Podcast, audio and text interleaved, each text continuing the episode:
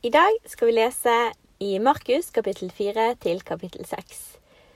Markus er et eh, tettpakket evangelium og begynner rett på med at Jesus begynner sin tjeneste, og han blir døpt av Johannes, kaller til seg disiplene sine, helbreder og gjør mirakler og underviser. Fariseerne begynner å stille spørsmål ved Jesus, bl.a. ved at eh, disiplene hans ikke faster, og om han overholder sabbaten. Og Jesus viser at han har myndighet fra himmelen. Både ved å helbrede og tilgi synder, så gjør han bare det som Gud kan. Og allerede i kapittel tre legger fariseerne planer om å få Jesus drept, og anklager han for å være besatt av demoner. I kapittel fire, som vi skal lese, så forteller Jesus flere lignelser ved Galileasjøen bl.a. lignelsen om såmannen og om sennepfrøet. Eh, han forteller det til folkemengden, og senere forklarer han det for disiplene sine. Videre så stiller Jesus stormen på sjøen, eh, og da blir disiplene grepet av frykt og begynner å ane eh, hvem Jesus virkelig er. I kapittel fem så får vi se hvor kraftfullt et møte med Jesus kan være, da han helbreder en mann som er besatt av en legion demoner. Han driver de ut og sender de inn i en flokk med griser. Eh, og etterpå så blir mannen frelst og begynner å forkynne evangeliet for landsbyen sin. Videre så tilkaller en synagogeforstander Jesus for å helbrede sin dødende datter. Eh, og på veien til eh, huset hans så går de gjennom en folkemengde. Og da leser vi historien om kvinnen som var bløder, som rører ved en flik av kappen til Jesus. Da merker Jesus at en kraft går ut av seg, og kvinnen blir helbredet. Eh, og dette er litt spesielt da Jesus antagelig dultet borti flere mennesker. Men Jesus bemerker troen hennes på at eh, hvis hun bare får lov til å røre ved han, så skal hun bli helbredet. Eh, og det viser òg hvordan Jesus stopper opp og har hjerte for den enkelte. I mellomtiden så dør datteren til synagogeforstanderen. Men da Jesus ankommer huset hans, så sier han at hun bare sover. Og han sier 'Talita kumi', vesle jente, stå opp, og hun blir vekket opp. I kapittel seks så blir Jesus eh, forkastet i Nasaret, i sin egen hjemby. Eh, og det gjør at han ikke gjorde mange mirakler der, men han gjorde sin tjeneste mye i byen rundt. Eh, og Jesus gir disiplene sine autoritet og sender de ut to og to for å forkynne og gjøre mirakler. Vi leser òg om at Johannes eh, blir halshugget i fengselet. Eh, og Jesus metter 5000. Og etterpå så sender han disiplene sine i forveien til Betzaida og drar sjøl opp i fjellene for å be. Siden så kommer han gående til de på vannet, men eh, disiplene de undrer seg fortsatt over hvem Jesus er. Og det siste vi leser i kapittel 6, er at enhver som rørte ved Jesus, ble helbredet. Da begynner vi å lese fra kapittel fire. Han begynte igjen å undervise der ved sjøen, og en stor folkemengde samlet seg om han, så han måtte gå om bord i en båt som lå på vannet, og sette seg i den. Hele folkemengden som var på land, vendte seg mot sjøen. Så underviste han dem mye i lignelser, og la fram sin lære for dem. Hør, se, en såmann gikk ut for å så. Og det hendte da han sådde, at noe av såkornet falt ved veien, og himmelens fugler kom og spiste det opp. Noe annet falt på steingrunn, hvor det ikke var mye jord. Det spirte snart opp, siden det ikke hadde dyp jord. Men da solen steg, ble det avsvidd, og siden det ikke hadde rot, visnet det bort. Noe annet falt blant torner, og tornene vokste opp og kvalte det, og det ga ingen avling. Men noe annet falt i god jord. Det spirte fram, vokste og ga, og ga frukt noe i 30-fold, noe i 60 og noe 100. Og han sa til dem, Den som har ører å høre med, la ham høre. Men da han var alene, kom de som var i hans følge, sammen med de tolv og spurte ham om lignelsen. Og han sa til dem, Dere er dit å kjenne Guds rikes mysterium, men til dem som er utenfor, kommer alltid lignelser. For at når de ser, ser de, men skjelner ikke, og når de hører, hører de, men forstår ikke for at de ikke skal omvende seg og deres synder skal bli dem tilgitt. Og han sa til dem, Forstår dere ikke denne lignelsen? Hvordan skal dere da forstå alle de andre lignelsene? Såmannen sår ordet, og disse er de ved veien hvor det ordet blir sådd. Når de hører, kommer Satan til straks å ta bort ordet som blir sådd i deres hjerter. På samme måte er det med dem som blir sådd på sengrunn. Når de hører ordet, tar de det straks med glede. Men det har ingen rot i seg, og derfor holder det bare ut en tid. Senere, når det kommer trengsel og forfølgelse for ordets skyld, tar de straks anstøt. Andre er de som blir sådd blant torner. De er slike som hører ordet, men denne verdens bekymringer, rikdommens bedrag og lysten etter alt annet kommer inn og kveler ordet, og det blir uten frukt. Men de som blir sådd i god jord, er de som hører ordet, tar imot det og bærer frukt. Noen 30 fold, noen 60 og noen 100.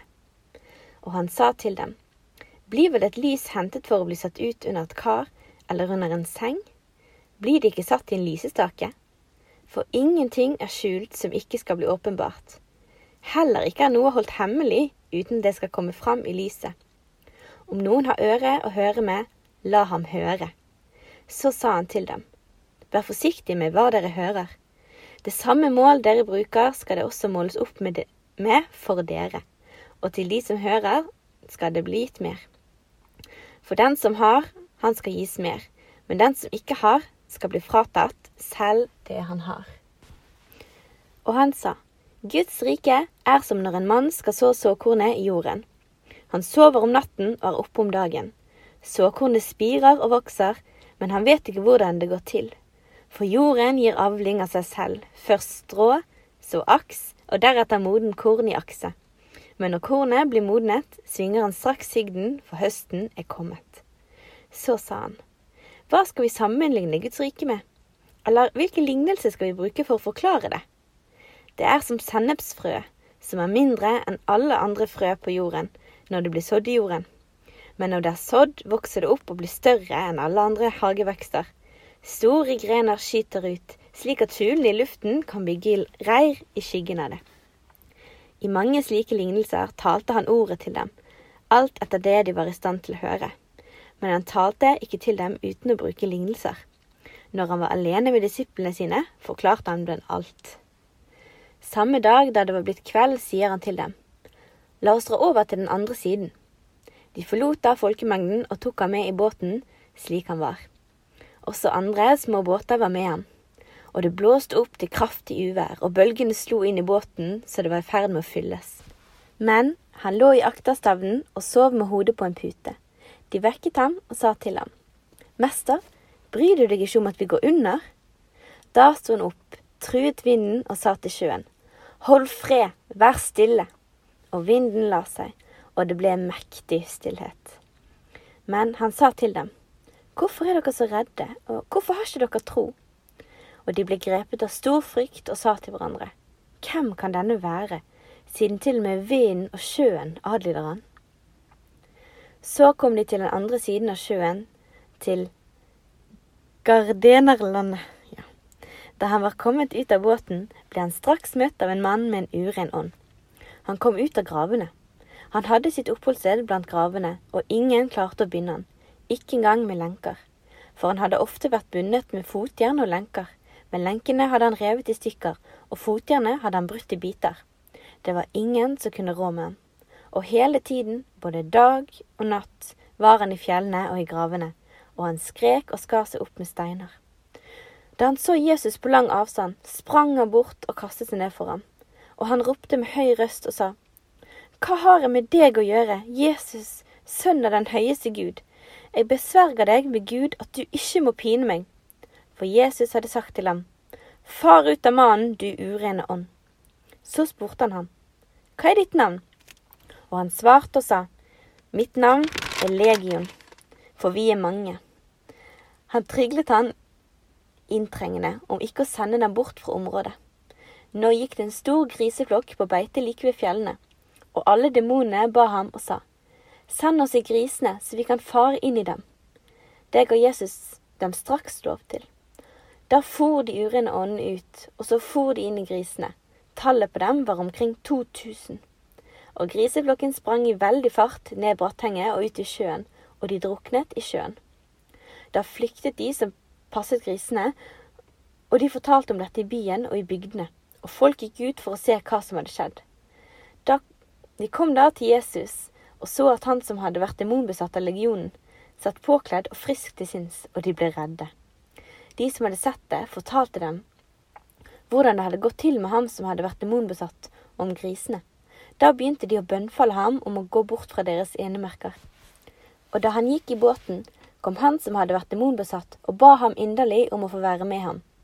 Jesus lot ham ikke få lov, men sa til ham, Gå hjem til dine og fortell dem hvilke store ting Herren har gjort for deg, og hvordan han har forbarmet seg over deg. Og han gikk av sted og begynte å forkynne i Dekapolis om alt det Jesus hadde gjort for ham, og alle undret seg.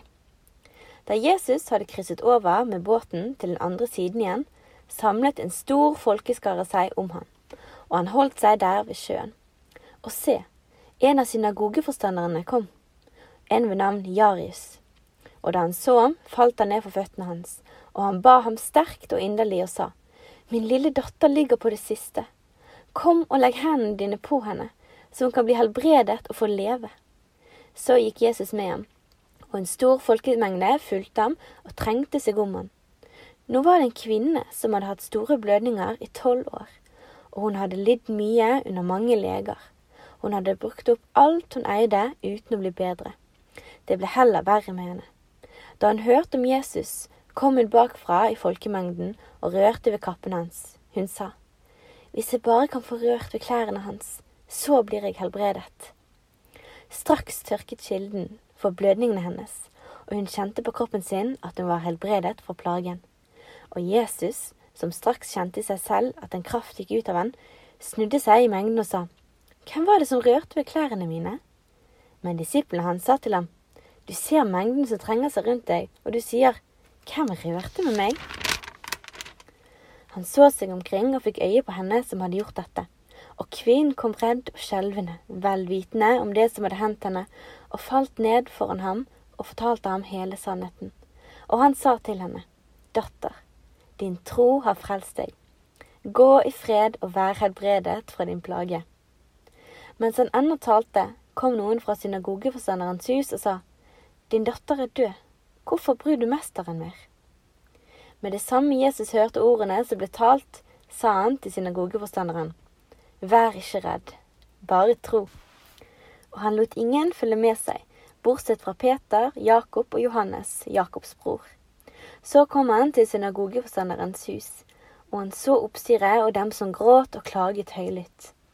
Da han kom inn, sa han til dem, Hvorfor gråter dere og lager alt dette oppstyret? Barnet er ikke dødt, men hun sover. Og de bare lo av han. Men da han hadde sendt alle ut, tok han med seg barnets far og mor og dem som var sammen med ham, og gikk inn dit hvor barnet lå. Så tok han barnet i hånden og sa til henne, Talita kumi. Oversatt betyr det, lille pike, jeg sier deg, stå opp. Piken sto opp med en gang og gikk omkring. Hun var nemlig tolv år gammel, og de ble overveldet av stor undring. Men han påla dem strengt at ingen måtte få vite det, og sa at hun måtte få noe å spise. Så gikk han ut derfra og kom til sine egne hjemtrakter, og disiplene hans fulgte med ham. Og da sabbaten kom, tok han til å undervise i synagogen, og mange som hørte ham, ble forundret og sa, Hvor har han dette fra, og hva slags visdom er det som er gitt ham, som gjør at slike mektige gjerninger blir utført ved hans hender? Er ikke dette tømmermannen, Marias sønn og bror til Jakob, Joses, Judas og Simon? Og er ikke hans søstre her blant oss? Og de tok anstøt av ham. Men Jesus sa til dem, En profet er ikke uten ære, bortsett fra på sitt hjemsted, blant sine slektninger og i sitt hjem. Og han kunne ikke gjøre noen mektig gjerning der, bortsett fra at han la hendene sine på noen få syke og helbredet dem. Og han undret seg over deres vantro. Så gikk han til landsbyene i området og underviste. Han kalte nå til seg de tolv og begynte å sende dem ut to og to, og han ga dem autoritet over de urene åndene. Han forbød dem å ta med seg noe på reisen, bortsett fra en stav. Ingen væske, ikke brød, ikke mynter i pengebeltene sine. De fikk gå med sandaler, men ikke ta på seg to skjortler. Han sa også til dem, I det huset dere tar inn, skal dere bli til dere drar videre fra det stedet. Og dersom noen ikke vil ta imot dere eller høre på dere, når dere drar derfra, rista av støvet under føttene deres som et vitnesbyrd mot dem. Sannelig, sier jeg dere, det skal bli lettere for Sodoma og Gomorra på dommens dag enn for den byen. Så gikk de ut og forsynte at folk skulle omvende seg. Og de drev ut mange demoner, mange som var syke salvet de med olje, og de helbredet dem. Nå fikk også kong Herodes høre om Jesus, for hans navn var blitt godt kjent. Og han sa, Døperen Johannes er oppreist fra den døde, derfor virker disse kreftene i ham. Andre sa, det er Elia, og andre sa, det er profeten eller en som er lik en av profetene. Men da Herodes hørte det, sa han, dette er Johannes, som jeg halshogde. Han er blitt oppreist fra de døde. For Herodes hadde selv sendt bud med befaling om å pågripe Johannes. Han fikk han lenket i fengselet på grunn av Herodias, hans bror Philips kone for han hadde giftet seg med henne. For Johannes hadde sagt til Herodes, du har ingen lovlig rett til å ha din brors kone. Derfor hadde Herodias imot ham, og ville gjerne få han drept ham, men hun klarte ikke å gjennomføre det. Grunnen til det var at Herodes fryktet Johannes, for han visste at han var en rettferdig og hellig mann, og han beskyttet ham. Og når han hørte ham, ble han meget urolig, men hørte likevel gjerne på ham. Så kom en passende dag. På sin fødselsdag holdt Herodes et selskap for sine stormenn, de høye offiserene og de ledende mennene i Galilea. Og da Herodias datter kom inn og danset, var hun til velbehag for Herodes og dem, og dem som satt sammen med ham. Kongen sa til piken, Be meg om hva du vil, og jeg skal gi deg. Han sverget også for henne. Hva som helst du ber om, vil jeg gi deg, inntil halve kongeriket mitt. Så hun gikk ut og sa til sin mor, Hva skal jeg be om? Og hun sa, Døperen Johannes' hode. Straks skyndte hun seg inn til kongen og spurte og sa, Jeg vil at du nå med en gang skal gi meg døperen Johannes' hode på et fat. Og kongen ble dypt bedrøvet. Men likevel, på grunn av edene sine og på grunn av dem som satt sammen med ham, ville han ikke avvise henne. Kongen sendte straks en soldat av sted og bød at hodet hans skulle bæres inn. Og han gikk og halshogde ham i fengselet bar hodet hans inn på et fat og ga det til piken, og piken ga det til sin mor. Da disiplene hans hørte dette, kom de og hentet kroppen hans og la dem i en grav. Og apostlene samlet seg da hos Jesus og fortalte ham alt, både det de hadde gjort og det de hadde undervist. Og han sa til dem, Kom og vær for dere selv på et øde sted, og hvil dere litt. For mange kom og gikk, og de fikk ikke engang anledning til å spise. Så dro de av sted med båt til et øde sted for å være for seg selv. Men folkeskarene så dem dra av sted, og mange kjente ham og løp dit til fots fra alle byene. Folkene kom fram før dem og samlet seg for å møte Jesus. Da Jesus var kommet fram, så han en stor folkemengde, og han viste dypt medlidenhet med dem, for de var som sauer som ikke hadde hyrde. Så begynte han å lære dem mange ting. Siden det allerede var sent på dag, kom disiplene hans til ham og sa, dette er et øde sted, og det er blitt seint. Send folk av sted, så de kan gå inn i by bygdene og landsbyen her omkring og kjøpe seg brød, for de har ikke noe å spise. Men han svarte dem og sa, Dere skal gi dem noe å spise. Og de sa til han, Skal vi gå og kjøpe brød for 200 denarer og gi de å spise? Men han sa til dem, Hvor mange brød har dere? Gå og se. Og da de hadde funnet det ut, sa de, Fem brød og to fisker. Da ba han dem om å få alle til å sette seg i grupper på det grønne gresset. Så satte de seg ned flokk ved flokk, noen på hundre og noen på femti. Og da han hadde tatt de frem brødene og de to fiskene, så han opp mot himmelen, velsignet og brøt brødene og ga dem til sine disipler for at de skulle dele ut til folket. Og de to fiskene delte han mellom dem alle. Så fikk de alle å spise, og de ble mette og de samlet inn tolv kurver fulle av restene fra brødet og fra fisken. De som hadde spist av brødet, var omkring 5000 menn. Med det samme beordret han sine disipler til å gå i båten og dra i forveien for seg til den andre siden, til Betzaida, mens han sendte folkemengdene av sted. Og da han hadde tatt avskjed med dem, gikk han opp i fjellet for å be. Da kvelden kom, var båten midt ute på sjøen, og han var alene på land. Han så at de strevde med ro, for de hadde motvind. Omkring den fjerde nattevakt kom han til dem, gående på sjøen, og skulle til å gå forbi dem. Men da de så ham gå på sjøen, trodde de at det var et spøkelse, og de skrek opp, for alle så ham og ble skrekkslagne. Men han talte straks med dem og sa til dem, Vær ved godt mot, det er jeg, vær ikke redde. Så gikk han opp i båten til dem, og vinden la seg, og det ble helt, de ble helt fra seg av forferdelse og slått av undring. De hadde nemlig ikke forstått det med brødene, for deres hjerte var blitt hardt. Da de hadde krysset sjøen, kom de til Genesaretlandet og kastet anker der. Og da de kom ut av båten, dro folket straks kjensel på han. De sprang omkring i hele området og begynte å ta de syke på senger og bære dem til stedene de hørte at han var. Hvor han enn kom, til landsbyer, byer eller bygder, la de sine syke på torgene og tryglet ham om at de måtte få røre ved kanten av kappen hans. Og enhver som rørte ved ham, ble helbredet. Og det var Markus kapittel fire til kapittel seks.